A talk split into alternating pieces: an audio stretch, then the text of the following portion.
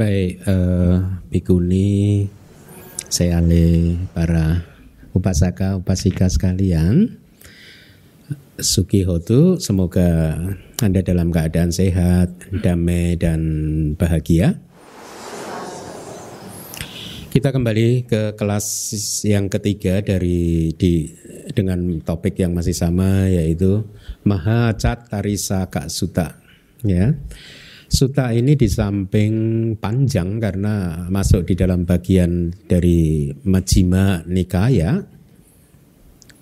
Tidak hanya panjang, tapi suta ini juga membutuhkan perhatian yang benar-benar khusus ya dari Anda. Bahkan saya pun waktu menerjemahkan kitab komentar dan subkomentar pun setelah selesai harus saya baca dua kali, tiga kali begitu, ya, untuk mendapatkan eh, pemahaman alur yang tepat tentang apa yang disampaikan oleh Buddha di suta ini.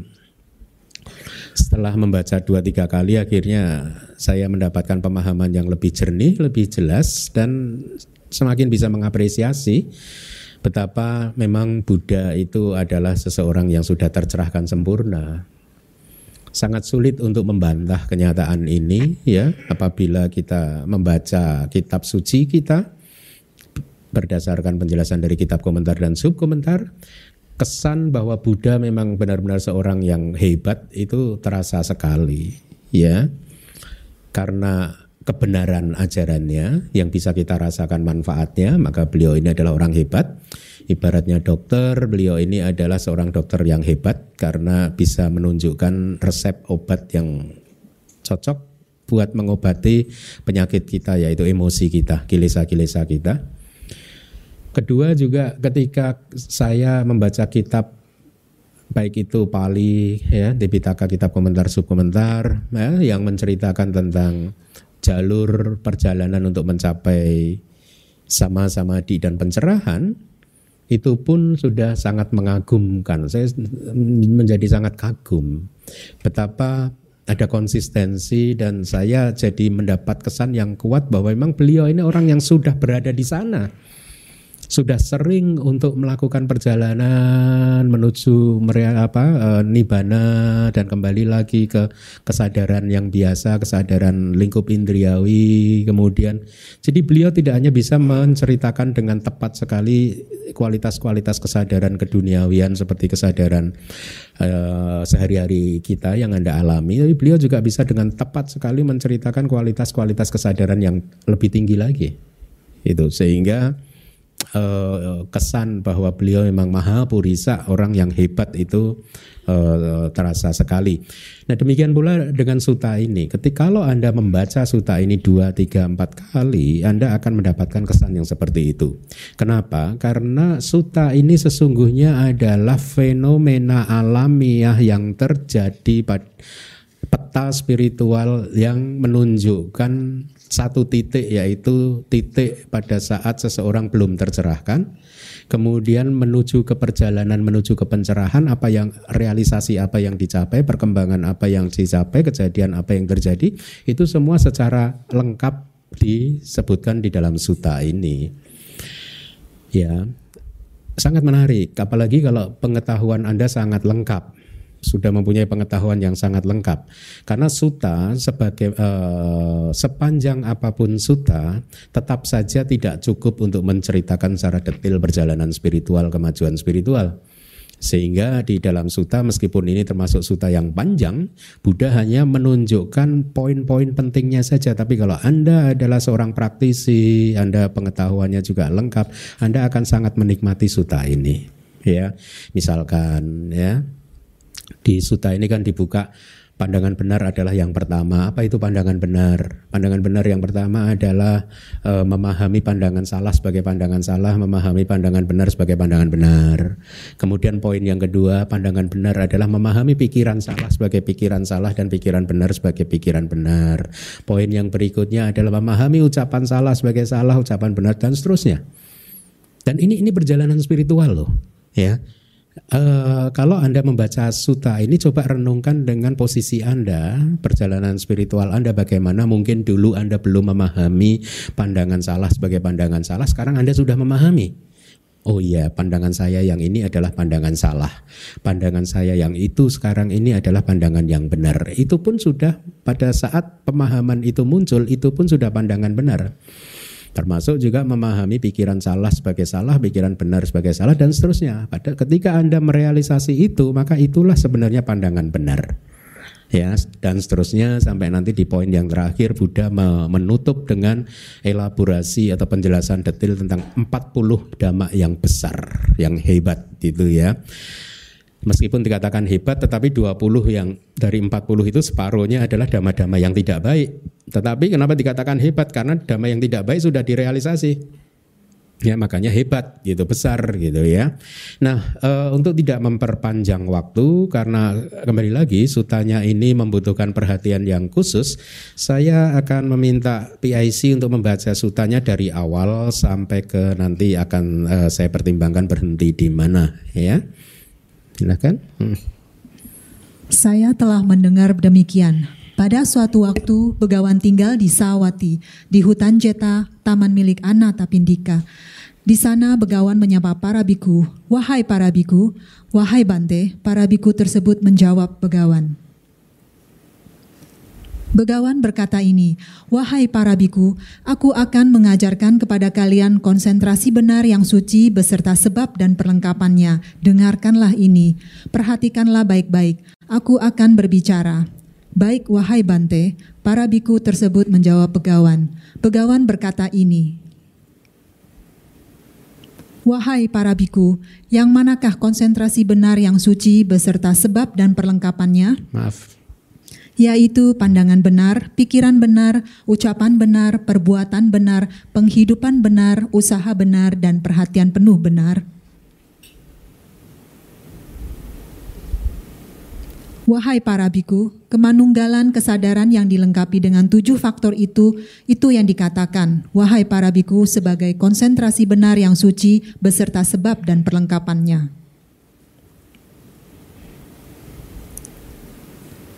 Pandangan, sehubungan dengan hal tersebut, wahai para biku, pandangan benar adalah yang paling dahulu. Dan bagaimanakah, wahai para biku, pandangan benar adalah yang terdahulu? Seseorang memahami pandangan salah sebagai pandangan salah, seseorang memahami pandangan benar sebagai pandangan benar, itu adalah pandangan benar seseorang.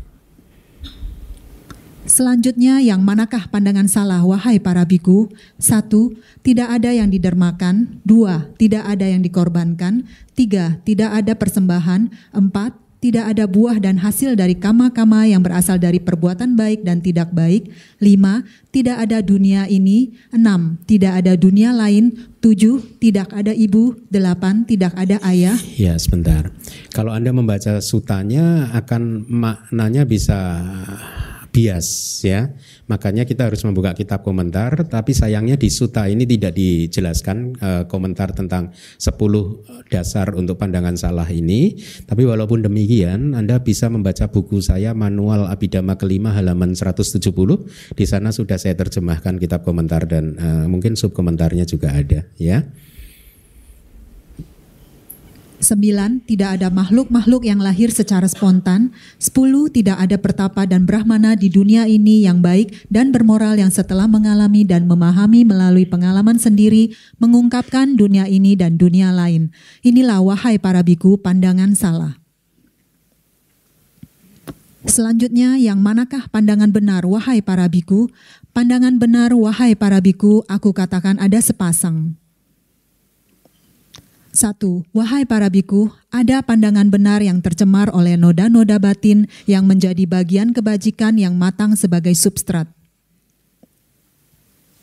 Dua, dan ada wahai para biku, pandangan benar yang suci yang tidak tercemar oleh noda-noda batin adi duniawi sebuah faktor jalan. Dan yang manakah wahai para biku, pandangan benar yang tercemar oleh noda-noda batin yang menjadi bagian kebajikan yang matang sebagai substrat? Satu, ada yang didermakan. Dua, ada yang dikorbankan. Tiga, ada persembahan. Empat, ada buah dan hasil dari kama-kama yang berasal dari perbuatan baik dan tidak baik. Lima, ada dunia ini. Enam, ada dunia lain. Tujuh, ada ibu. Delapan, ada ayah. Sembilan, ada makhluk-makhluk yang lahir secara spontan. Sepuluh, ada pertapa dan brahmana di dunia ini yang baik dan bermoral, yang setelah mengalami dan memahami melalui pengalaman sendiri, mengungkapkan dunia ini dan dunia lain. Inilah wahai para biku, pandangan benar yang tercemar oleh noda-noda batin yang menjadi bagian kebajikan yang matang sebagai substrat. Dan yang manakah, wahai para biku, pandangan benar yang suci yang tidak tercemar oleh noda-noda batin, adi duniawi, sebuah faktor jalan? Wahai para biku, kebijaksanaan, indria yang dinamakan kebijaksanaan, kekuatan yang dinamakan kebijaksanaan, faktor pencerahan yang dinamakan investigasi dhamma, faktor jalan yang dinamakan pandangan benar seseorang yang batinnya suci, yang batinnya tanpa noda-noda batin, yang memiliki jalan mulia dan yang sedang mengembangkan jalan mulia, inilah wahai para biku yang dikatakan sebagai pandangan benar yang suci, yang tidak tercemar oleh noda-noda batin, adi duniawi, sebuah faktor jalan. Seseorang berusaha untuk meninggalkan pandangan salah untuk memasuki pandangan benar. Ini adalah usaha benar seseorang. Dengan penuh perhatian, seseorang meninggalkan pandangan salah. Dengan penuh perhatian, seseorang telah memasuki pandangan benar. Ini adalah perhatian penuh benar seseorang. Jadi, tiga dhamma berikut ini berlarian mengikuti dan senantiasa mengitari pandangan benar, yaitu pandangan benar, usaha benar, dan perhatian penuh benar. Masuk ke poin yang berikutnya yaitu tentang pikiran. Pikiran. Sehubungan dengan hal tersebut, wahai para biku, pandangan benar adalah yang paling dahulu. Dan bagaimanakah wahai para biku, pandangan benar adalah yang paling dahulu? Seseorang memahami pikiran ada, pikiran salah sebagai pikiran salah, seseorang memahami pikiran benar sebagai pikiran benar, itu adalah pandangan benar seseorang. Kalau Anda perhatikan, polanya hampir sama dengan yang pandangan benar yang tadi. Nanti pikiran benar, ucapan benar itu polanya mirip-mirip, ya.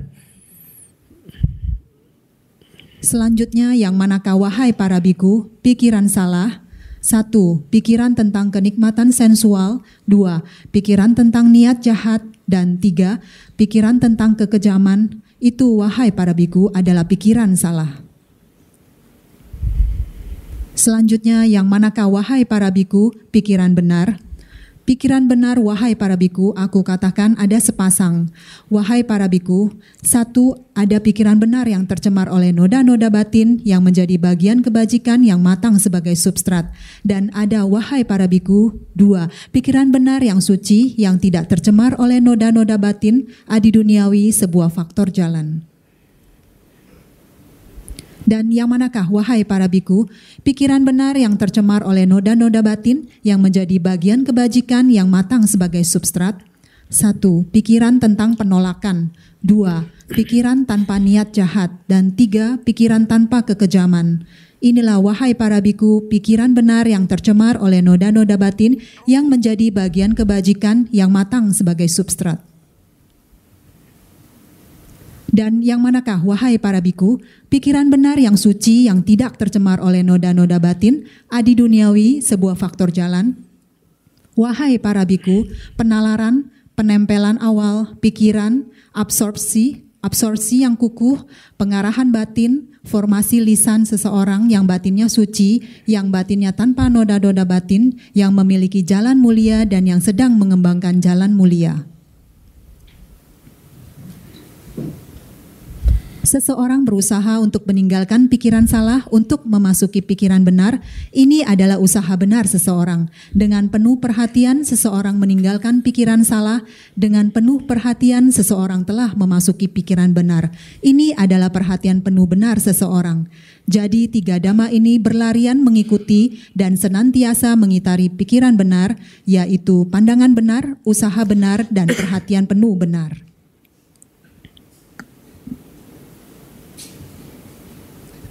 Ucapan Sehubungan dengan hal tersebut, wahai para biku, pandangan benar adalah yang terdahulu. Dan bagaimanakah wahai para biku, pandangan benar adalah yang terdahulu? Seseorang mengetahui ucapan salah sebagai ucapan salah, seseorang mengetahui ucapan benar sebagai ucapan benar, ini adalah pandangan benar seseorang.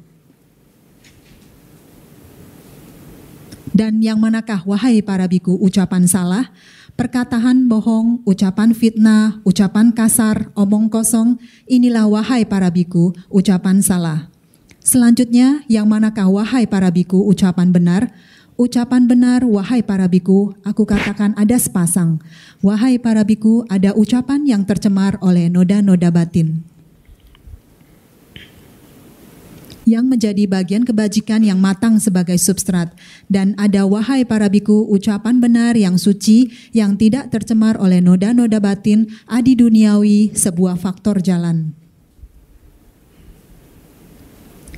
Dan yang manakah wahai para biku ucapan benar yang tercemar oleh noda-noda batin yang menjadi bagian kebajikan yang matang sebagai substrat? Penahanan diri dari perkataan bohong, penahanan diri dari ucapan fitnah, penahanan diri dari ucapan kasar dan penahanan diri dari omong kosong, inilah wahai para biku, ucapan benar yang tercemar oleh noda-noda batin yang menjadi bagian kebajikan yang matang sebagai substrat. Dan yang manakah wahai para biku, ucapan benar yang suci yang tidak tercemar oleh noda-noda batin adi duniawi sebuah faktor jalan. Wahai para biku, pantang, penahanan diri, penghindaran diri, dan penjauhan diri dari empat perilaku lisan yang tidak baik seseorang yang batinnya suci. Batinnya tanpa noda-noda batin yang memiliki jalan mulia dan yang sedang mengembangkan jalan mulia, inilah wahai para biku, ucapan benar yang suci yang tidak tercemar oleh noda-noda batin, adi duniawi, sebuah faktor jalan. Seseorang berusaha untuk meninggalkan ucapan salah untuk memasuki ucapan benar, ini adalah usaha benar seseorang. Dengan penuh perhatian, seseorang meninggalkan ucapan salah. Dengan penuh perhatian, seseorang telah memasuki ucapan benar. Ini adalah perhatian ben penuh benar seseorang. Jadi tiga dhamma ini berlarian mengikuti dan senantiasa mengitari ucapan benar, yaitu pandangan benar, usaha benar, dan perhatian penuh benar. Perbuatan. Sehubungan dengan hal tersebut, wahai para biku, pandangan benar adalah yang terdahulu. Dan bagaimanakah wahai para biku, pandangan benar adalah yang terdahulu? Seseorang mengetahui perbuatan salah sebagai perbuatan salah, seseorang mengetahui perbuatan benar sebagai perbuatan benar, itu adalah pandangan benar seseorang. Selanjutnya, yang manakah wahai para biku perbuatan salah? Pembunuhan makhluk hidup, pencurian dan perzinaan, inilah wahai para biku perbuatan salah. Dan yang manakah wahai para biku perbuatan benar? Perbuatan benar, wahai para biku, aku katakan ada sepasang. Wahai para biku, ada perbuatan benar yang tercemar oleh noda-noda batin yang menjadi bagian kebajikan yang matang sebagai substrat, dan ada, wahai para biku, perbuatan benar yang suci yang tidak tercemar oleh noda-noda batin adi duniawi sebuah faktor jalan. Selanjutnya, yang manakah wahai para biku, perbuatan benar yang tercemar oleh noda-noda batin yang menjadi bagian kebajikan yang matang sebagai substrat, penahanan diri dari pembunuhan makhluk hidup, penahanan diri dari pencurian, dan penahanan diri dari perjinaan. Inilah, wahai para biku, perbuatan benar yang tercemar oleh noda-noda batin yang menjadi bagian kebajikan yang matang sebagai substrat. Dan yang manakah wahai para biku, perbuatan benar yang suci yang tidak tercemar oleh noda-noda batin adi duniawi sebuah faktor jalan, wahai para biku, pantang, penahanan diri, penghindaran diri, dan penjauhan diri dari tiga perilaku tubuh yang tidak baik seseorang yang batinnya suci, yang batinnya tanpa noda-noda batin, yang memiliki jalan mulia dan yang sedang mengembangkan jalan mulia, inilah wahai para biku, perbuatan benar yang suci yang tidak tercemar oleh noda-noda batin adi duniawi sebuah faktor jalan. Seseorang berusaha untuk meninggalkan perbuatan salah untuk memasuki perbuatan benar, ini adalah usaha benar seseorang. Dengan penuh perhatian, seseorang meninggalkan perbuatan salah. Dengan penuh perhatian, seseorang telah memasuki perbuatan benar. Ini adalah perhatian penuh benar seseorang. Jadi tiga dhamma ini berlarian mengikuti dan senantiasa mengitari perbuatan benar, yaitu pandangan benar, usaha benar, dan perhatian penuh benar.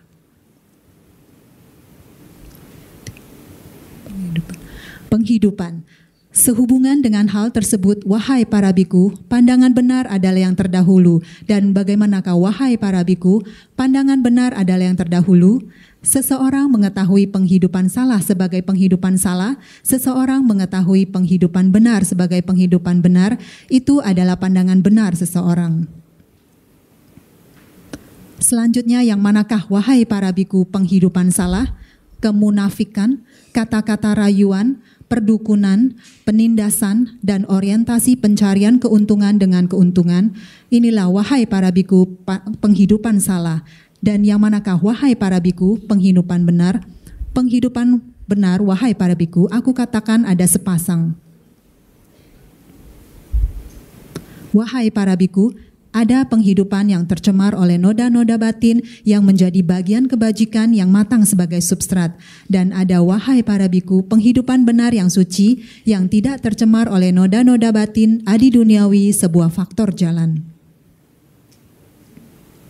Selanjutnya yang manakah wahai para biku, penghidupan benar yang tercemar oleh noda-noda batin yang menjadi bagian kebajikan yang matang sebagai substrat? Di sini wahai para biku, seorang murid suci meninggalkan penghidupan salah dan menjalani, menjalani kehidupannya dengan penghidupan benar. Inilah wahai para biku, penghidupan benar yang tercemar oleh noda-noda batin yang menjadi bagian kebajikan yang matang sebagai substrat. Dan yang manakah wahai para biku, penghidupan benar yang suci, yang tidak tercemar oleh noda-noda batin adi duniawi, sebuah faktor jalan? Wahai para biku, pantang, penahanan diri, penghindaran diri, dan penjauhan diri dari penghidupan salah seseorang yang batinnya suci, batinnya tanpa noda-noda batin, yang memiliki jalan mulia dan yang sedang mengembangkan jalan mulia, Inilah wahai para biku, penghidupan benar yang suci yang tidak tercemar oleh noda-noda batin adi duniawi sebuah faktor jalan. Seseorang berusaha untuk meninggalkan penghidupan salah untuk memasuki penghidupan benar. Ini adalah usaha benar seseorang. Dengan penuh perhatian seseorang meninggalkan penghidupan salah, dengan penuh perhatian seseorang telah memasuki penghidupan benar. Ini adalah perhatian penuh benar seseorang. Jadi tiga dhamma ini berlarian mengikuti dan senantiasa mengitari penghidupan benar, yaitu pandangan benar, usaha benar, dan perhatian penuh benar. Iya, terima kasih. Kita uh, sampai di situ. Sutanya masih belum ada satu bagian yang terakhir yang kita simpan untuk minggu depan yaitu penjelasan tentang 40 yang besar ya. Nah, eh, tadi sudah dibacakan tentang pandangan benar adalah yang pertama yang berkaitan dengan pikiran berkaitan dengan pikiran. Jadi yang disebut pandangan ketika seseorang menyadari bahwa pikiran salah adalah pikiran salah, pikiran benar adalah pikiran benar, yang kualitas batin yang menyadari hal seperti itu itulah yang disebut pandangan benar. Ya. Jadi uh, Anda bisa menerapkan ini dalam kehidupan sehari-hari ketika Anda mulai bisa memperhatikan oh ini pandangan salah, itu pandangan benar. Yang mengatakan hal seperti itu itu adalah pandangan benar Anda. Lalu kemudian di suta tadi disebutkan Anda juga harus tahu apa sih yang disebut pikiran salah supaya bisa menentukan bahwa ini salah itu benar kan Anda harus tahu pikiran salah yang mana, pikiran benar yang mana. Pikiran salah adalah pikiran tentang kenikmatan seks sensual spiritual. Pikiran salah adalah pikiran tentang niat jahat, kemudian tentang kekejaman itu pikiran salah. Nah, pikiran benar yang seperti apa? Kita pun juga harus mengetahui. Tadi di suta dikatakan bahwa pikiran benar ada se satu pasang ya ada berpasangan satu pasang yang pertama meskipun dia adalah pikiran benar tetapi dia masih tercemar oleh noda-noda duniawi dia masih hidup berkualitas keduniawian sehingga walaupun itu adalah pikiran benar walaupun itu adalah kualitas batin yang baik tetapi ya dia adalah duniawi sehingga dia akan memunculkan substrat Substrat itu bahan bakar kehidupan atau dengan kata lain yang sering Anda uh, kenal dengar adalah agregat. Ya, kalau kita manusia ini makhluk dengan lima agregat, tapi Anda juga harus paham ada makhluk yang hanya punya empat agregat loh. Tidak semua makhluk itu punyanya lima agregat pancakanda, ada yang empat, yaitu makhluk yang lahir di arupa Brahma mereka mempunyai empat agregat. Satu agregat yang tidak ada adalah agregat tubuh jas mani. Tapi ada juga lagi makhluk yang punya satu agregat saja, yaitu makhluk tanpa batin. Jadi dia hanya punya tubuh jasmani ya. Nah, pengetahuan-pengetahuan seperti ini juga bagus ya karena akan memperlebar, memperluas cakrawala pemahaman pandang uh, jarak pandang Anda terhadap kehidupan di seluruh uh, alam semesta. Nah itu pandangan uh, pikiran benar yang pertama yang membuahkan kehidupan dengan kata lain. Ya jadi meskipun Anda punya pikiran benar tapi kalau pikiran benarnya masih duniawi seperti itu, tetap saja buahnya akan menghasilkan kehidupan baru. Anda akan lahir lagi, lahir lagi, lahir lagi. Katakanlah meskipun lahir di alam manusia di keluarga yang baik-baik, tapi tetap saja itu di sana adalah penderitaan. Ya, nah Pikiran benar yang kedua adalah pikiran benar yang adi duniawi gitu ya, yang suci, tidak tercemar oleh noda-noda batin. Dia inilah yang disebut sebagai faktor jalan mulia berunsur delapan gitu ya. Nah, Lalu di suta juga disebutkan pikiran benar yang tercemar oleh noda batin yang menghasilkan substrat atau kehidupan itu seperti apa sih? Pikiran tentang penolakan kenikmatan indriawi. Anda sudah mulai tidak melekat kepada kenikmatan sensual ya, kenikmatan-kenikmatan indriawi yang muncul melalui panca indera. Anda sudah mulai menjauhkan diri ya.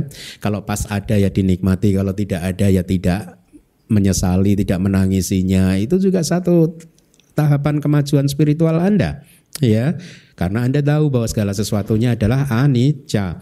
Pikiran benar yang kedua adalah tanpa niat jahat, kemudian yang ketiga adalah tanpa kekejaman. Jadi ini sesungguhnya hanya kebalikan dari pikiran salah. Kemudian pikiran benar yang kedua yang suci yang tidak tercemar oleh noda-noda batin adalah di, tadi disampaikan penalaran, kemudian penempelan awal dan seterusnya. Nah, ini menarik. Saya akan jelaskan ya apa yang disebut sebagai penalaran. Di kitab komentar Anda bisa baca di slide ya.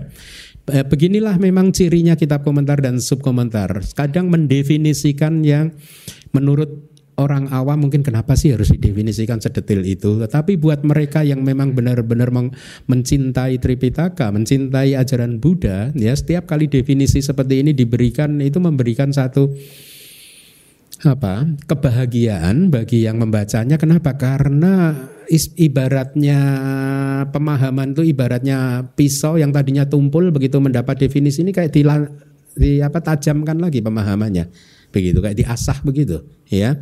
Nah, yang dimaksud dengan uh, pikiran yang suci tadi ya ada beberapa definisi pen, pen, apa, penalaran penempelan awal pikiran absorpsi absorpsi yang uh, kukuh dan seterusnya ya definisi dari kitab komentar yang disebut penalaran adalah pemikiran yang masuk akal ya kita nggak akan pernah bisa dapat nih kalau nggak membuka kitab-kitabnya ya setelah menambah kata tersebut dengan sebuah kata depan, maka dia disebut sebagai penempelan awal. Maksudnya begini, yang disebut penalaran, yang kuning itu yang atas, itu bahasa palinya taka. T A K K A, eh T A K K A. Taka. Dengan ditambah satu kata depan wi, maka menjadi wi taka. Anda sudah sering mendengarnya kalau wi taka kan? Kalau taka belum kan? Ya, jadi taka adalah penalaran, witaka di sini saya terjemahkan penempelan awal. Banyak orang menerjemahkannya sebagai pikiran, yang menurut saya harus didefinisikan dengan lebih akurat lagi apa yang dimaksud dengan pikiran, ya. Karena sebagai guru dhamma, saya sering menyampaikan kepada murid-murid abidama, semakin sering saya mengajar, semakin sering saya mendapatkan kesan bahwa sesungguhnya tidak mudah menjadi guru dhamma tidak mudah dalam konteks untuk menyampaikan terminologi-terminologi secara akurat sehingga yang mendengarkan bisa memahaminya secara akurat. Dan dengan demikian kebijaksanaan yang mendengarkannya meningkat. Dan dengan demikian ini akan bermanfaat untuk meniti karir meningkatkan karir di dalam setiap kelahiran di dalam sang sara tidak mudah karena kalau guru dhamma menyampaikan terminologi dengan definisi yang tidak akurat yang mendengarkannya keliru lagi Begitu keliru karirnya tidak meningkat di dalam samsara. Ya. Nah, di sini saya terjemahkan witaka yang orang biasa menerjemahkan sebagai pikiran, ya. Saya terjemahkan menjadi penempelan awal karena ternyata nanti seperti yang akan Anda lihat, penjelasan dari baik dari kitab komentar dan subkomentar tentang witaka atau penempelan awal atau orang lain menerjemahkannya sebagai pikiran itu sangat abidama sekali sehingga mau tidak mau witaka harus saya terjemahkan sesuai konteks apa yang dijelaskan di kitab komentar yaitu sesuai dengan abidama. Kalau di Abhidhamma kita menerjemahkan witaka itu penempelan awal, bukan pikiran awal. Kan ada kan witaka pikiran awal, wicara pikiran lanjutan dan seterusnya kan?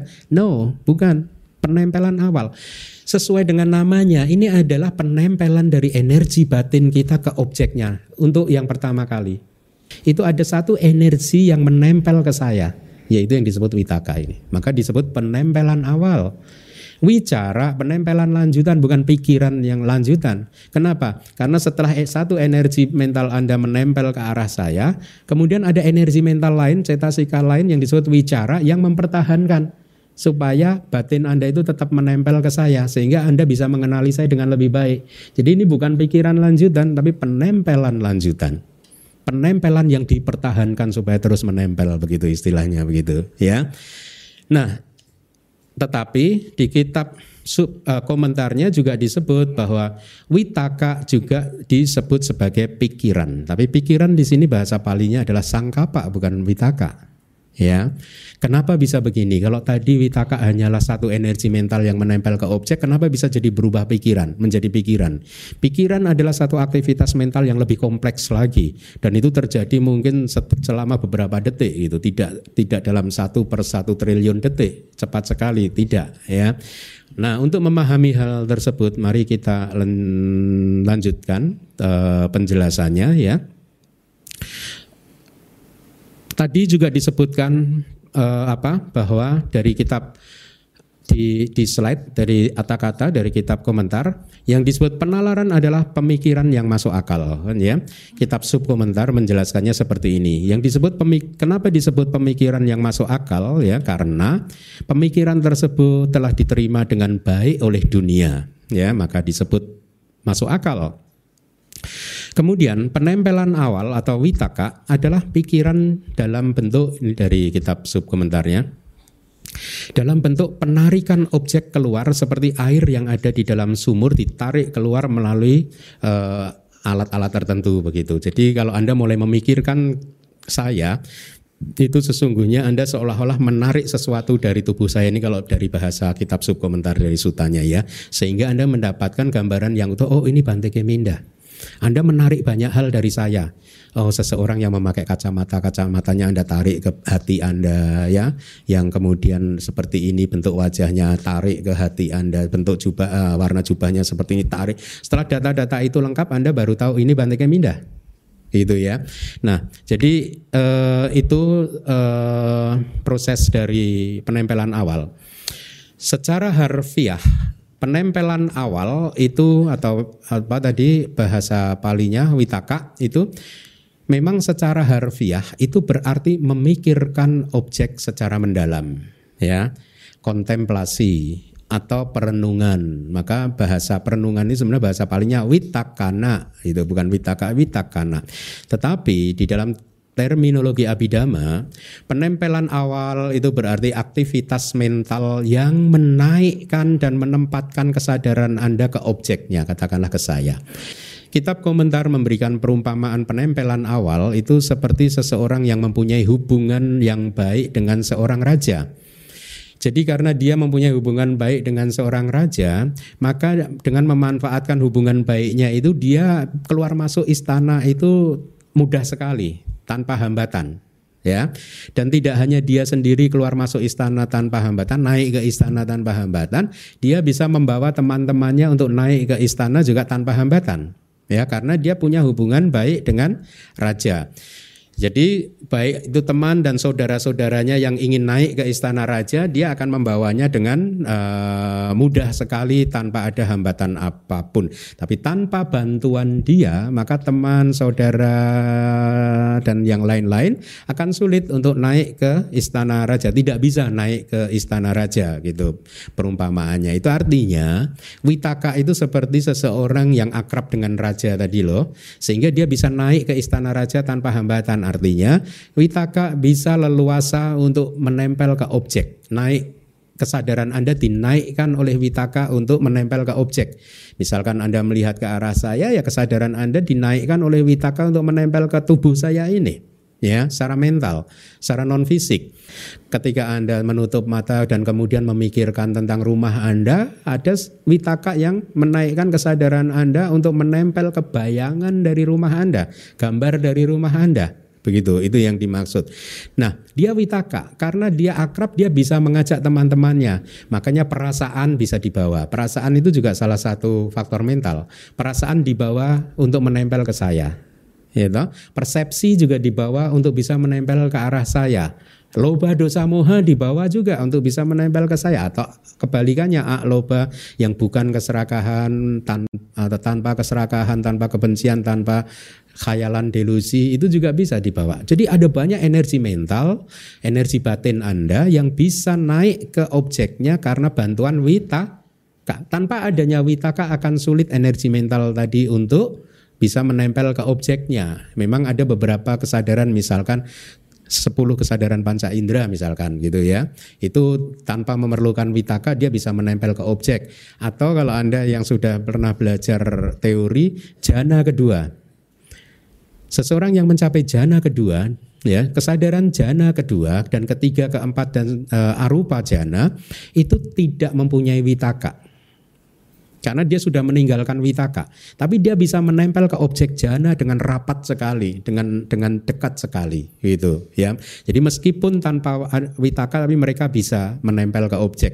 Kenapa bisa begitu? Nanti akan ada penjelasan dari kitab komentarnya. Nah, mari kita lihat lagi. Uh, jadi tergantung atau bergantung pada witaka yang demikian itu maka kesadaran bisa naik ke objek artinya kesadaran bisa mengambil objeknya atau menyentuh objeknya sehingga terjadilah proses kognisi mengenali objeknya begitu ya. Nah, kemudian dari kitab subkomentar ada pertanyaan demikian. Seandainya demikian itu tadi witaka fungsinya ya seperti itu, lalu bagaimanakah kesadaran tanpa witaka naik ke objek? Ya. Saya hanya akan menjelaskan tentang kesadaran jana saja karena kesadaran panca indera akan menjadi terlalu teknis buat yang tidak mengetahui abidama ya. Jadi di dalam kesadaran jana yang kedua atau yang di atasnya seperti yang tadi sudah saya katakan, itu kesadaran itu tidak mempunyai witaka. Lalu Anda bayangkan lalu siapa yang bisa mengamati pati baga nimitanya itu? Ya objek jananya itu yang sangat dekat sekali bahkan sering kali melingkupi uh, dirinya sendiri begitu. Siapa itu yang membuatnya menempel ke objek tersebut? Ya, uh, saya akan ambilkan dari kitab subkomentarnya. Jawaban untuk pertanyaan di atas adalah seperti ini. Disebabkan oleh bahasa palingnya paricaya. Paricaya itu semacam keakraban keakraban dengan situasi dan lingkungan sekitar, maka seseorang akan tanpa ragu memasuki istana raja ya. Karena seseorang ini sudah akrab dengan lingkungan istana sehingga dia bisa naik ke istana raja tanpa hambatan tanpa keraguan sedikit pun ya. Kesadaran tanpa witaka merujuk pada kesadaran jana kedua sampai dengan kelima kalau di dalam abidama ya. Disebabkan oleh keakraban tersebut kesadaran jana-jana tersebut ya bisa mengambil objeknya ya e, tanpa bantuan dengan e, e, bantuan dari witaka Lalu kenapa jana dan cetasikanya ini bisa akrab dengan objeknya? Sehingga dia tidak membutuhkan witaka ya. Karena ketika seseorang berada di dalam jana ya, kesadarannya akan mengamati objek itu dengan sangat dekat sekali. Ya, sangat dekat sekali. Anda sekarang mengamati objek itu dari jarak jauh. Ya, kesadaran sehari-hari kita itu tidak benar-benar menempel, menyatu, manunggal dengan objeknya. Tapi kalau seseorang mencapai jana, kesadaran dan objeknya itu menyatu. Jadi tidak sekedar menempel, tapi dia menyatu, ya, menjadi satu, menjadi manunggal begitu, ya. Nah, karena di jana pertama kesadaran mengamati objek secara dekat sekali seperti itu menjadi manunggal, itulah mengapa kesadaran dan cetasika akhirnya menjadi akrab. Itu dari kitab komentar perumpamaannya seperti itu. Ya. Sehingga kesadaran jana itu sudah akrab dengan objek jananya. Itulah mengapa ketika seseorang mencapai jana yang pertama, kemudian dia ingin masuk ke jana yang kedua dengan melepaskan witaka, dia bisa memasukinya. Karena kesadarannya sudah akrab Akrabnya bagaimana? Tadi kalau seseorang mencapai jana selama tiga jam, dia udah berakrab-akraban dengan objek jana itu selama tiga jam. Kalau dia mempraktekannya setiap hari, berapa hari, dia akrab sekali. Karena setiap kali masuk ke jana, objeknya manunggal menjadi satu. Ya, itulah mengapa begitu kesadaran jana ke atas, kedua dan ke atas, witaka ditanggalkan, kesadaran masih bisa menempel ke objeknya. Ya, nah Uh, jadi diberi lagi penjelasan ketika Anda sudah hafal dengan satu tempat dan sudah sering berkunjung ke sana, maka Anda akan dengan mudah sekali pergi ke sana tanpa bantuan siapa pun. Ya, demikianlah penjelasan tentang mengapa kesadaran jana kedua dan seterusnya itu bisa menempel ke objek jana pada baga nimita tanpa bantuan wi taka. Ya, mari kita lanjutkan lagi. Disebut sebagai absorpsi, apana, ini sebenarnya jana Jana itu sering dipanggil uh, sering mempunyai nama apana. Apana itu absorpsi, absorption gitu. Karena dia dipahami sebagai sesuatu yang manunggal, tenang dan fokus ke objek. Jadi ini witaka juga. Witaka mempunyai nama lain absorpsi. Ya. Karena pada saat seseorang mencapai jana pertama, witaka itu peranannya penting sekali. Membawa teman-temannya untuk menaik ke ista, Nah, itu tadi ya. Akan tetapi setelah menambah kata absorpsi apana tersebut dengan sebuah kata depan awalan, maka disebut apana ditambah wia jadi bia pana atau wia pana gitu ya. Artinya ini absorpsi yang kukuh gitu. Kemudian nama lain dari witaka adalah pengarahan batin, penjelasannya adalah pengarahan kesadaran. Maksudnya begini, setiap kali kesadaran seseorang ingin mengenali objeknya, ada witaka yang mengarahkan pertama kali arus kesadaran kita ke objek. Katakanlah saat ini arus kesadaran Anda, bayangkan arus kesadaran Anda sedang mengalir sepenuhnya ke arah objek saya ini sebagai objek mata Anda. Kalau tiba-tiba seorang di sedekat Anda itu bersuara, dan kemudian menginterupsi arus yang memandang ke objek mata Anda, Anda mendengar, maka pada saat itu arus kesadaran Anda yang mengalir ke arah saya melalui pintu mata terputus. Kemudian belok arusnya muncul di katakanlah begitu ya, muncul di pintu telinga untuk menangkap suara tadi. Ya. Nah, energi pertama yang membuat kesadaran Anda itu berbelok untuk menempel ke suara itulah witaka. Kira-kira begitu. Ya, witaka adalah aktivitas pertama dari energi mental untuk menempel ke objek bukan menempel ke pintu ya kan? Nanti ada sih sebenarnya tapi ini teknis sekali. Kalau anda melihat ke arah saya aktivitas mental anda ada di pintu mata. Ketika anda mendengar aktivitasnya ada di pintu telinga. Begitu anda melihat ke arah saya kemudian terganggu oleh suara sesungguhnya ada satu energi mental lagi yang mengarahkan kesadaran anda ke pintu telinga bukan ke objek. Jadi diarahkan ke pintunya eh, ke pintu telinga begitu ya. Tapi witaka mengarahkan kesadaran anda untuk menempel ke objeknya ke suara ke objek objek saya dan seterusnya. Nah, itulah informasi-informasi uh, yang bisa kita dapatkan ya. Dengan kata manunggal itu seperti yang di layar, guru atau guru kata sedang memperlihatkan kualitas absorpsi jana untuk penempelan awal yang telah mendapatkan bantuan dari samadhi. Ini penting sekali. Jadi di sini jana pertama sering juga diistilahkan dengan penyebutan witaka juga. Karena witakanya sudah melakukan tugas maksimal Selebihnya lagi dia sudah tidak. Dia maksimalnya adalah mengantar kesadaran untuk mencapai jana yang pertama, begitu ya. Tetapi witaka untuk bisa disebut sebagai jana, dia harus dibantu oleh ekagata, samadhi supaya kesadarannya bisa manunggal ya manunggal itu seperti bayangkan apa sih yang disebut manunggal begini energi batin kita sesungguhnya itu terdiri dari banyak komponen Ya, bayangkan saja serbuk tepung. Serbuk tepung itu kan terdiri dari banyak butiran tepung kan? Ya, selama dia tidak dicampur dengan air, maka serbuk tepungnya akan tercerai-berai. Itulah kesadaran seseorang yang tidak mencapai jana. Kesadarannya tercerai-berai ke sana kemari, nggak bisa fokus. Ya, tetapi bayangkan begitu serbuk tepung yang ada katakanlah di satu tempat Anda beri air, yang jangan terlalu banyak air, pokoknya cukup untuk menggumpalkan mereka, maka semua katakanlah seribu butir tepung akan menyatu jadi satu. Kondisi menyatu jadi satu itulah jana. Pada saat semua energi mental Anda menyatu menjadi satu bersama dengan objek itulah jana. Ya seperti serbuk butir tepung yang diberi air, yang tadinya serbuk butirnya itu tercerai berai, kemudian dia menggumpal menjadi satu. Itulah yang disebut manunggal di sini, menjadi satu. Arti dari manunggal itu, ya. Jadi witaka kadang dalam satu konteks disebut sebagai jana pertama, tetapi Anda harus memahami bahwa dia harus dibantu oleh sama di atau ekagata, faktor mental ekagata. Nah, mari kita lanjutkan pembahasan dari kitab komentar. Anda lihat di layar ada kata kuning yang pertama apana.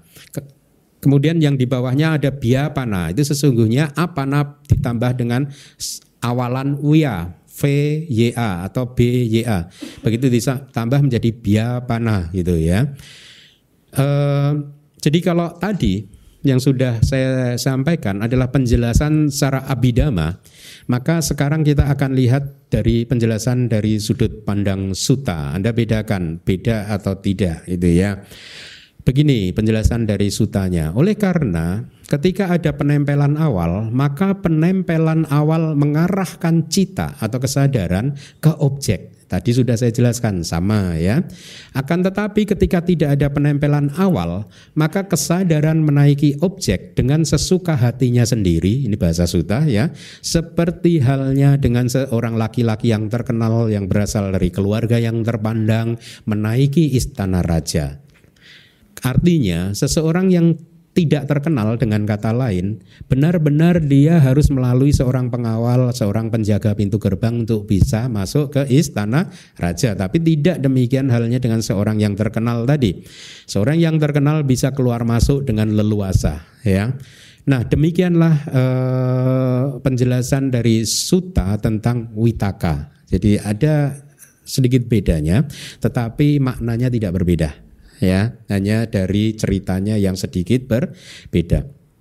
Nah, eh, kemampuan untuk mengarahkan kesadaran ke objek itu sesungguhnya adalah karakteristik dari witaka yang sering disalahartikan sebagai pikiran ya atau pikiran awal ya yang hendaknya tidak dicampur adukkan dengan salah satu kesadaran yaitu kesadaran yang mengarahkan ke pintu. Nah, ini abidama sekali ya yang berfungsi untuk mengarahkan atau mengaling, memalingkan arus kesadaran Anda ke salah satu pintu dari pintu panca indera ya. Selain karakteristik yang seperti itu, witaka juga mempunyai fungsi untuk menyentuh dan memukul objek ya serta manifestasinya sebagai aktivitas yang membawa kesadaran ke objek. Jadi ini semua dari yang sudah saya sampaikan saya harap Anda paham bahwa sebenarnya yang disebut witaka yang sering orang terjemahkan jadi pikiran awal itu sesungguhnya bukan pikiran awal dalam konteks aktivitas yang kompleks sekali tetapi itu adalah single aktivitas aktivitas single yang membawa arus kesadaran menempel ke objeknya. Cukup itu saja. Belum ada aktivitas berpikir. Aktivitas berpikir akan terjadi beberapa detik berikutnya, ya. Nah, mari kita lanjutkan. formasi lisan atau waci sangkara. Apa itu penjelasannya? Dan di sini penempelan awal duniawi atau witaka duniawi itu mempersiapkan ucapan. Ya. Jadi kalau saya sekarang bercakap-cakap seperti ini, pertama kali aktivitas mental yang mempersiapkan kata-kata saya sehingga akhirnya bisa keluar itu witaka tadi. Jadi ini bukan pikiran lagi, masih masih energi yang menempel ke objek, yang memukul objek. Bayangkan ya, witaka itu kayak kayak memukul gitu, gitu. Ya, sehingga kadang ada suaranya juga. Nanti akan kita jelaskan. Walaupun tidak mempersiapkan, akan tetapi penempelan awal adi duniawi, artinya yang muncul di kesadaran jalan dan buah, itu juga memiliki nama formasi lisan. Penjelasan untuk berlarian mengikuti pikiran benar, yaitu pandangan benar, usaha benar, dan perhatian penuh yang benar, itu mengikuti pikiran benar adi duniawi, yaitu yang muncul di kesadaran jalan ya. Sebelum kita jelaskan, saya akan rangkumkan dulu supaya Anda bisa mengikuti penjelasan-penjelasan saya yang selanjutnya. Pandangan benar yang terdahulu adalah mengetahui ucapan benar sebagai ucapan benar, ucapan salah sebagai ucapan salah. Lalu apa itu ucapan salah? Anda juga harus tahu ya. Kalau Anda nggak tahu, Anda nggak akan bisa memunculkan pandangan benar. Ya, ucapan salah adalah empat ucapan yang salah. Yaitu apa saja? Berbohong, berkata-kata kasar, memfitnah, omong kosong. Itu ucapan yang tidak baik, ucapan yang salah. Anda harus tahu, ya. Kemudian ucapan benar itu apa? Ada dua. Ucapan benar yang adi duniawi yaitu menghindari empat ucapan salah tadi, ya. Juga ucapan benar yang adi duniawi yaitu penahanan diri dari empat ucapan yang tidak baik tadi yang muncul di kesadaran jalan. Ya, tadi di sutanya disimpulkan lagi begini. Jadi seseorang meninggalkan ucapan salah untuk memasuki ucapan benar itu usaha benar. Salah satu faktor dari jalan mulia berunsur delapan kan? Usaha benar kan? Usaha benar yang berkaitan dengan ucapan adalah usaha untuk meninggalkan ucapan salah dan kemudian berusaha untuk masuk ke ucapan yang benar. Anda bisa terapkan itu dalam kehidupan sehari-hari. Ketika terjadi satu saat Anda sedang mau mengucapkan kata-kata yang tidak baik, berbohong kayak kata-kata kasar kayak kemudian Anda sadar dan tidak jadi Anda ucapkan, kemudian sebaliknya Anda memasuki ucapan yang benar yaitu menahan diri dari berbohong, maka itulah pandangan benar Anda sudah muncul. Pemahaman itulah yang disebut sebagai pandangan benar yang berkaitan dengan ucapan, ya. Nah, jadi itu tadi kira-kira ringkasan dari da, uh, suta tentang ucapan benar, tentang ucapan. Jadi di setiap faktor jalan disebutkan di akhirnya ada tiga dhamma yang mengikuti dan senantiasa mengitari dhamma yang lain. Dalam hal ini ucapan benar, yaitu pandangan benar, usaha benar, dan perhatian penuh yang benar. Perhatian penuh yang benar itu apa? Perhatian penuh yang berusaha memperhatikan ucapan salah dan ingin meninggalkan ucapan salah dan perhatian penuh yang masuk ke ucapan yang benar. Itu perhatian penuh yang benar gitu. Jadi tiga dhamma itu selalu muncul di dalam setiap faktor jalan. Dari kutipan di atas ya di uh, yang ada di layar diketahui bahwa isyarat ucapan, isyarat ucapan ya ini sangat teknis sekali. Uh, waci winyati ya yang akan saya sampaikan ini adalah proses terbentuknya ucapan. Ya, formasi ucapan. Bagaimana proses itu terbentuk ya. Pertama kali ada satu kualitas materi, materi tertentu. Materi itu rupa ya bahasa palinya itu partikel yang sangat kecil. Ya ada 28 jenis materi. Salah satu dari 28 ini disebut waci winyati, yaitu isyarat lisan atau isyarat ucapan. Kecil sekali ya dia ini memberikan isyarat akan adanya ucap uh, isyarat tertentu sehingga orang lain bisa uh, akhirnya memahami apa yang dipikirkan oleh seseorang yang mengucapkan isyarat tersebut ya yang mengeluarkan uca, uh, isyarat tersebut gitu. Nah, sebagai contoh begini. Ketika se seorang berpikir katakanlah saya berpikir saya akan menjelaskan Maha Catari Saka Suta ya.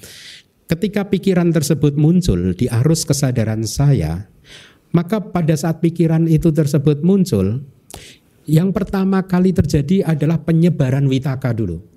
Ya, witakanya akan tersebar. Untuk apa? Untuk menempel ke objeknya. Objeknya apa? Saya akan membabarkan Sutta Mahacatarisaka. Ya, dia akan terjadi difusi witaka, difusi penempelan awal gitu ya. Ketika pikiran tadi itu muncul, kesadaran yang memikirkan bahwa saya akan mengajarkan Mahacatarisaka Sutta itu menghasilkan delapan jenis materi yang tidak terpisahkan. Teknis ya. uh, anda nggak bisa lari dari abidama tuh gimana? Uh, buku-bukunya udah banyak tuh buku saya. Anda nanti minta ke depan itu buku-buku saya atau buku apa lagi ya? Uh, Ya, ceramah di YouTube juga ada, baik dari saya maupun Sele Utara ya. Jadi saya ulangi lagi, ketika pikiran saya ingin mengajarkan Mahacaterisaka muncul, maka pikiran itu menghasilkan delapan jenis materi. Itu seperti partikel subatom, kecil sekali, delapan banyak macamnya itu yang membentuk satu klaster. Ya, dia membentuk satu kayak atom tapi terdiri dari delapan partikel, begitu kecil sekali gitu. Salah satu dari delapan tadi disebut elemen tanah keras, lunak ini elemen tanah ini. Salah satu dari delapan tadi ya. Jadi ketika pikiran muncul salah satunya menghasilkan elemen tanah ini tadi ya. Elemen tanah yang dihasilkan oleh pikiran saya ingin mengajarkan Sutta Maharcatari Saka ini tadi dia kan tersebar nih. Ketika tersebar dia menabrak elemen tanah yang lahir dari karma saya yang membuat saya lahir sebagai manusia ini karena dia tersebar, dia menubruk, tubrukan. Jadi terjadi benturan antara elemen tanah yang dihasilkan oleh pikiran yang berpikir saya ingin mengajarkan Mahacata Risaka Sutta, membentur elemen tanah di dalam tubuh saya yang lahir dari karma saya. Terjadi benturan. Karena witakanya itu tersebar, satu persatu tersebar. ya. Anda bayangkan, di dalam satu jentikan jari satu triliun kesadaran muncul dan lenyap Berarti ketika saya mengatakan saya akan mengajarkan Mahacatari Sakasuta 10 detik berapa triliun kesadaran muncul dan lenyap. Bayangkan, benturan-benturan itu yang menghasilkan suara. Karena elemen tanah berbenturan dengan elemen tanah. Ini pun berbenturan lihat. Ada bunyinya kan? Menarik kan? Ini proses terjadinya suara ini loh. A, B, C, D, Catari, Saka, Suta dan seterusnya itu loh. Sesungguhnya ini terjadi di dalam nih benturan terus gitu. Ya. Nah, Ketika elemen tanah tadi sudah berbenturan, maka muncullah suara. Kayak ini tadi. Nah, muncul suara kan. Tapi suara ini bukan isyarat ucapan. Belum, belum jadi isyarat ucapan karena isyarat ucapan adalah akara wikara, model perubahan dari suara ini. Begitu suara ini tinggi, keras, tek, terus melemah, ada model perubahannya kan? Nah model perubahannya itu yang menarik adalah yang bisa membentuk formasi lisan A, B, C, D, E, B, Maha, Catari, Saka, Suta. Menarik ya? Karena dikendalikan oleh pikiran. Padahal ini dari benturan elemen tanah dan elemen tanah loh. Ya. Nah, eh, model perubahan-perubahan dari suara inilah yang disebut isyarat ucapan. Dan di sini dijelaskan tiga dhamma yang dimulai dengan pikiran penolakan didapatkan di dalam berbagai kesadaran di bagian awal. Artinya tiga jenis pikiran benar ditemukan di berbagai jenis kesadaran sebelum kemunculan kesadaran jalan. Jadi begini maksudnya. Tiga jenis pikiran benar yang duniawi itu selalu bisa muncul di kehidupan sehari-hari. Bahkan ketika Anda retret, katakanlah ikut retret Pabaja 10 hari.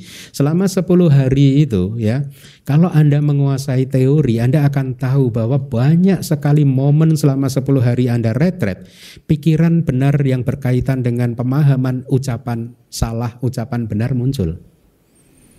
Akan terjadi beberapa kali mungkin saja ketika Anda interview dengan guru meditasi Anda, Anda sesungguhnya awalnya ingin berbohong, tapi kemudian Anda tahan dan Anda tidak melakukan kebohongan tersebut. Itu pun sudah satu menahan diri dari ucapan salah dan yang mengetahui itu adalah pikiran benar.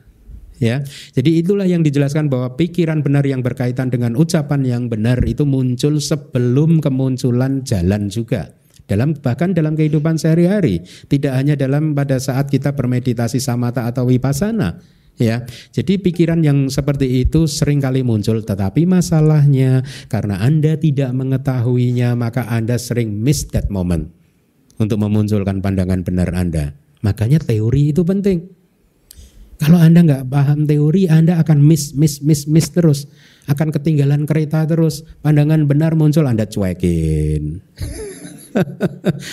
Masih bagus, pandangan benar muncul, Anda cuekin. Yang parah kan pandangan salah muncul Anda cuekin terus.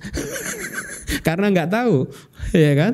Ya itulah mengapa tadi pagi ada yang mengatakan Bante, kok ada yang mengatakan katanya putu jana itu akan sulit lahir di alam manusia lagi Bante. Kebanyakan putu jana itu lahirnya di alam yang bawah Bante. Saya, saya jawab, ya itu memang kata-kata Buddha.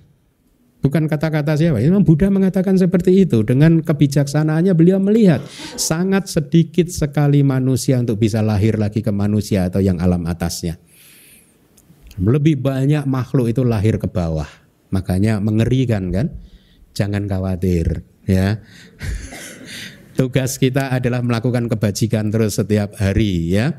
Masa depan itu ditentukan oleh hari ini. Betul? Ya, sekarang hari ini masa lalu sudah bukan milik kita, masa depan juga belum terjadi.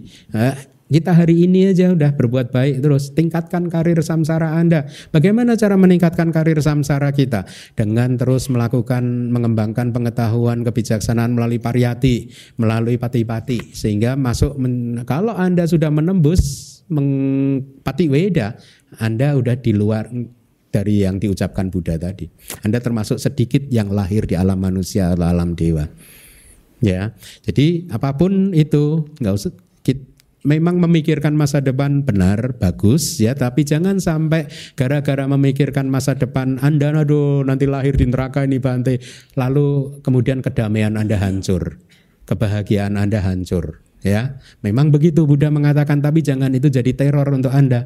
Terus lakukan kebajikan Anda supaya Anda jadi sedikit makhluk yang lahir di manus alam manusia dan juga alam surga. Sadu gitu ya.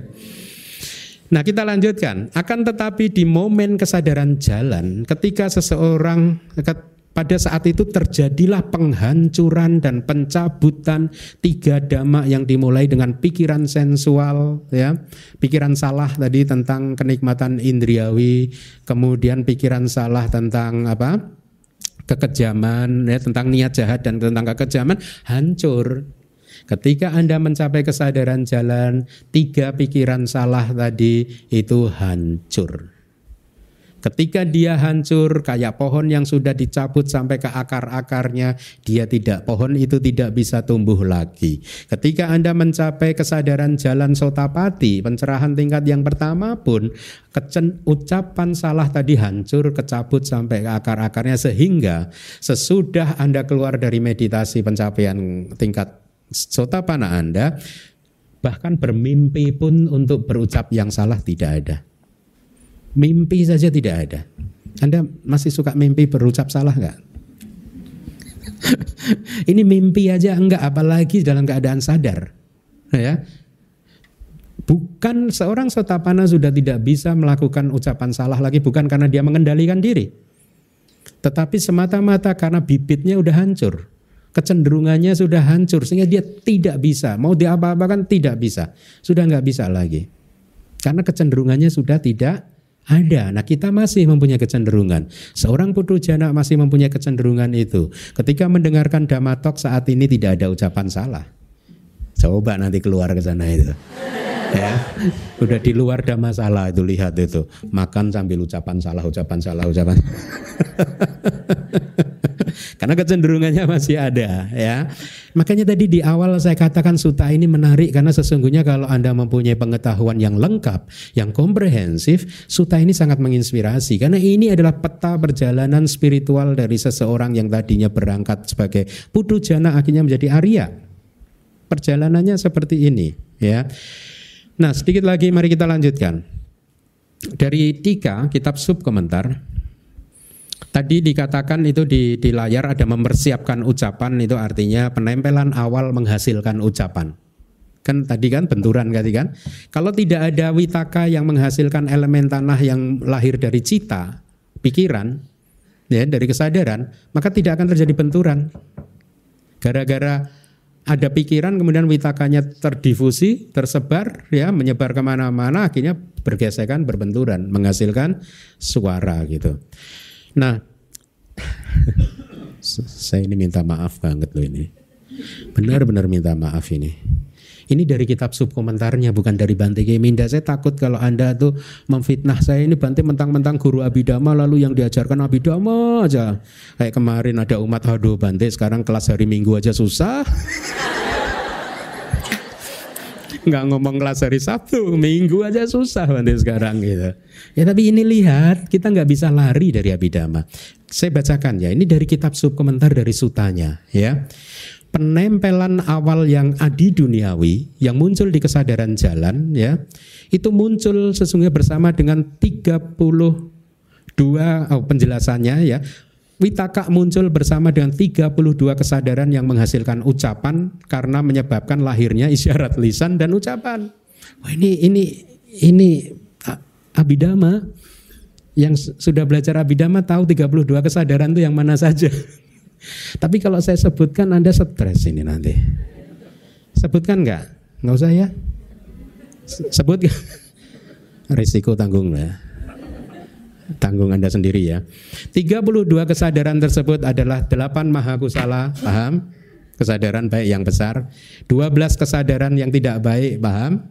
Paham. 10 kesadaran fungsional, paham? Lingkup indriawi? Enggak, Pak.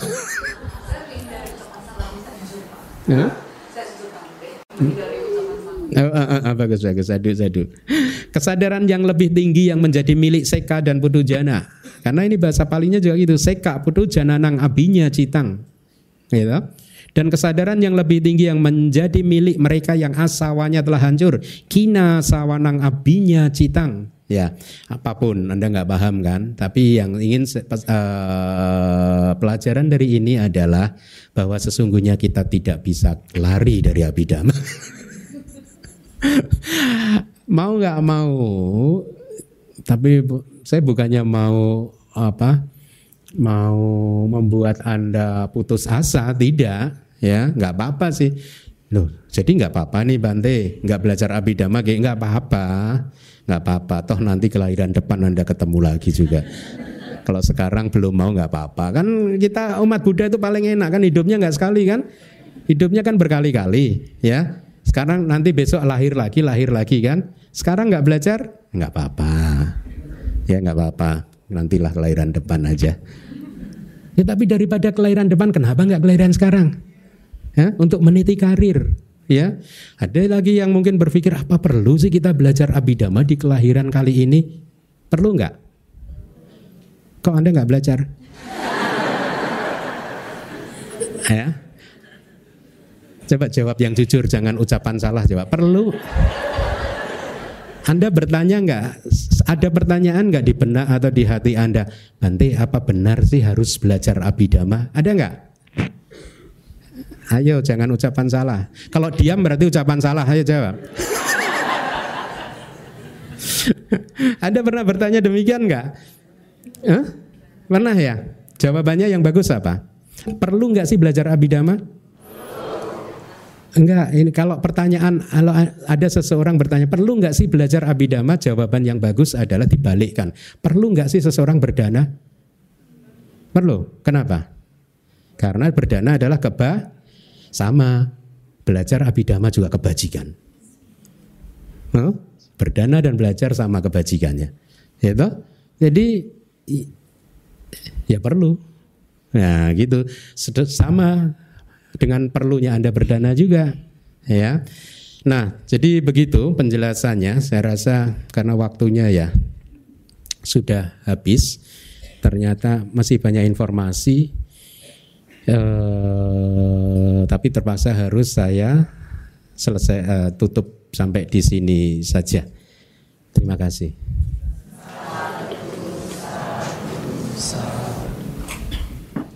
Terima kasih Banti atas penjelasannya kali ini. Bagi kalian yang minta yang ingin bertanya dipersilahkan. Waktunya hingga jam 11 lewat 15 menit.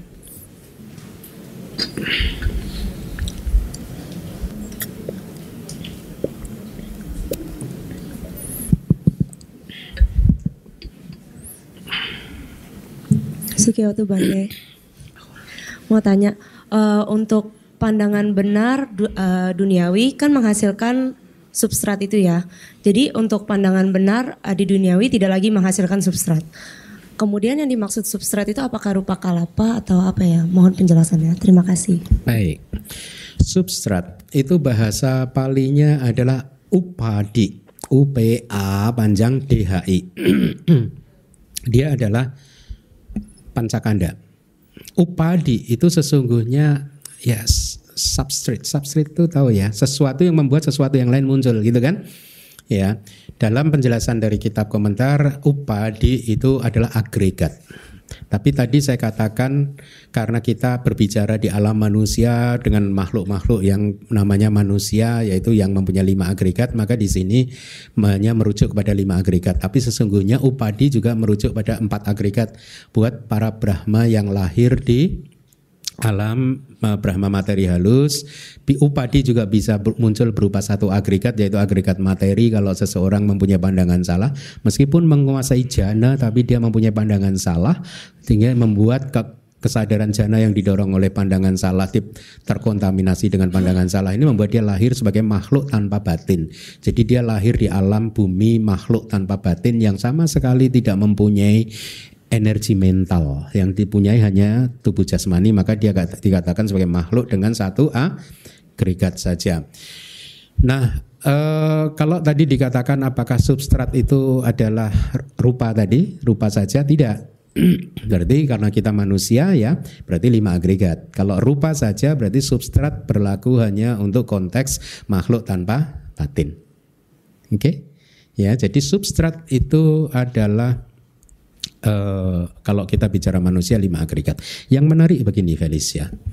Kita saat ini lahir sebagai manusia kan? Ya. Kita semua ini lahir sebagai manusia karena di akhir dari kehidupan kita yang lalu sebelum saat ini ya persis sebelum kehidupan saat ini ketika kita meninggal dunia kemarin itu ada satu benih karma baik yang berbuah ya. Jadi karma baik yang kita lakukan di kehidupan lampau itu dia udah siap matang dan siap berbuah.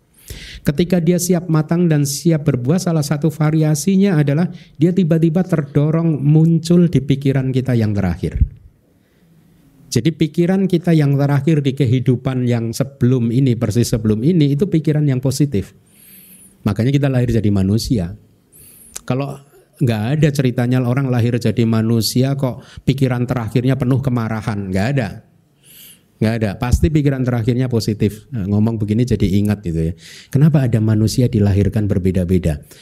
Kan katanya tetangga bilang katanya manusia itu diciptakan dari tanah kan, ya. Kalau manusia yang baik, hatinya baik itu tanahnya itu subur. Pembentuknya, substratnya. Kalau manusia lahir kok seneng berantem, ribut, marah itu diciptakan dari tanah sengketa katanya.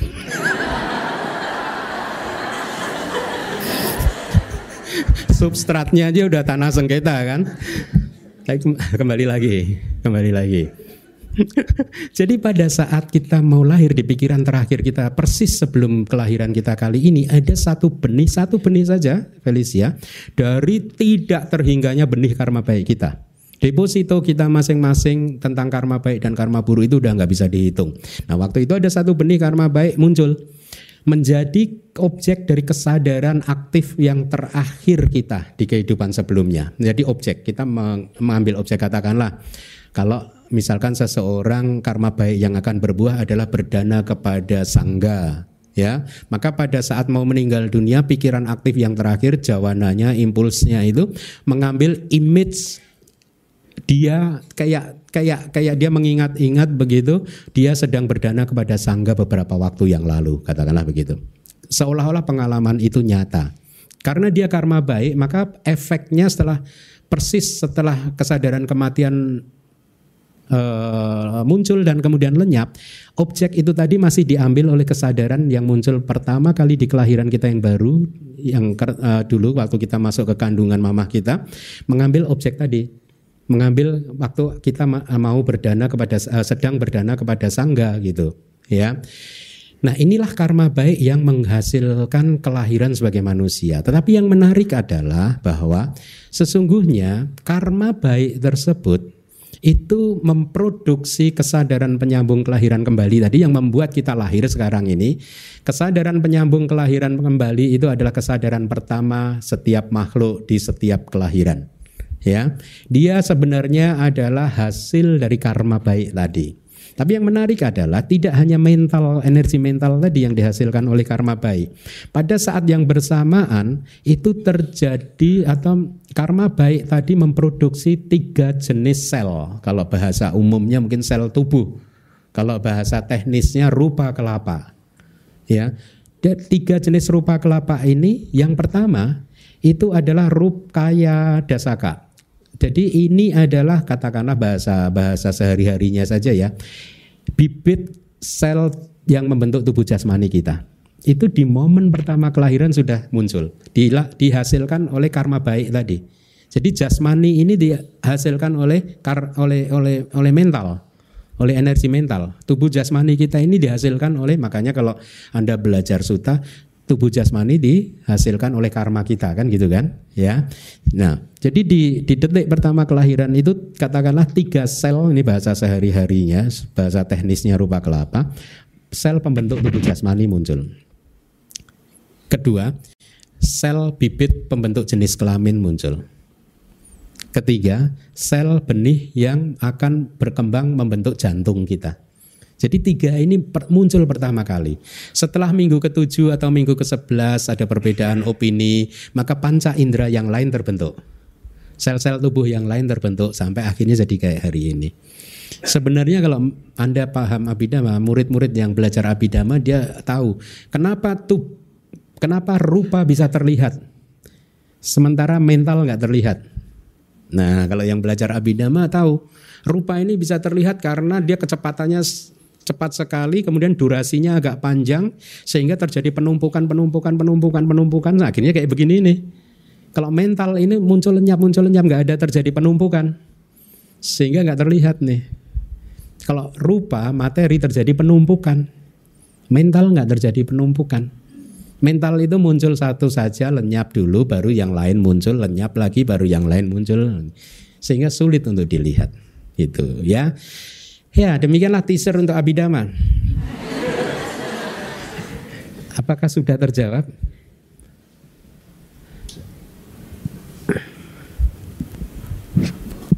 Jadi untuk klarifikasi, untuk uh,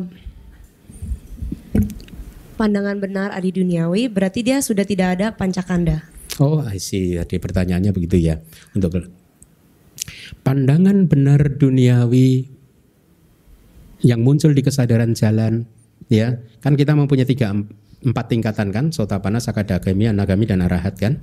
Sebelum arahat ketika seseorang mencapai tingkat kesucian sotapana istilahnya itu kesadaran jalan sotapati sotapana tadi dia memotong jumlah kelahiran orang tersebut.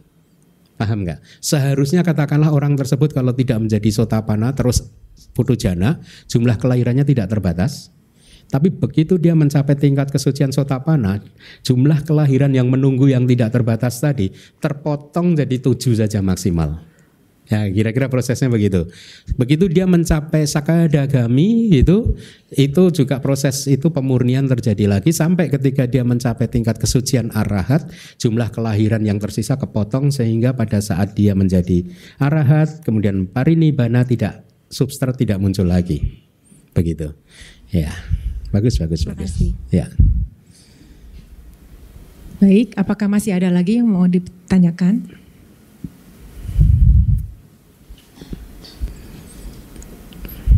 Itu ada ya, lagi? Okay. Ya.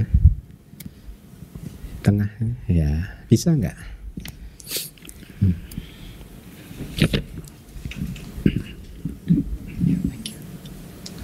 Sukihoto Bante. Hmm. Uh, menyambung tadi Bante ada singgung tentang uh, sotapana, sakadagami, anagami dan arah. Hmm.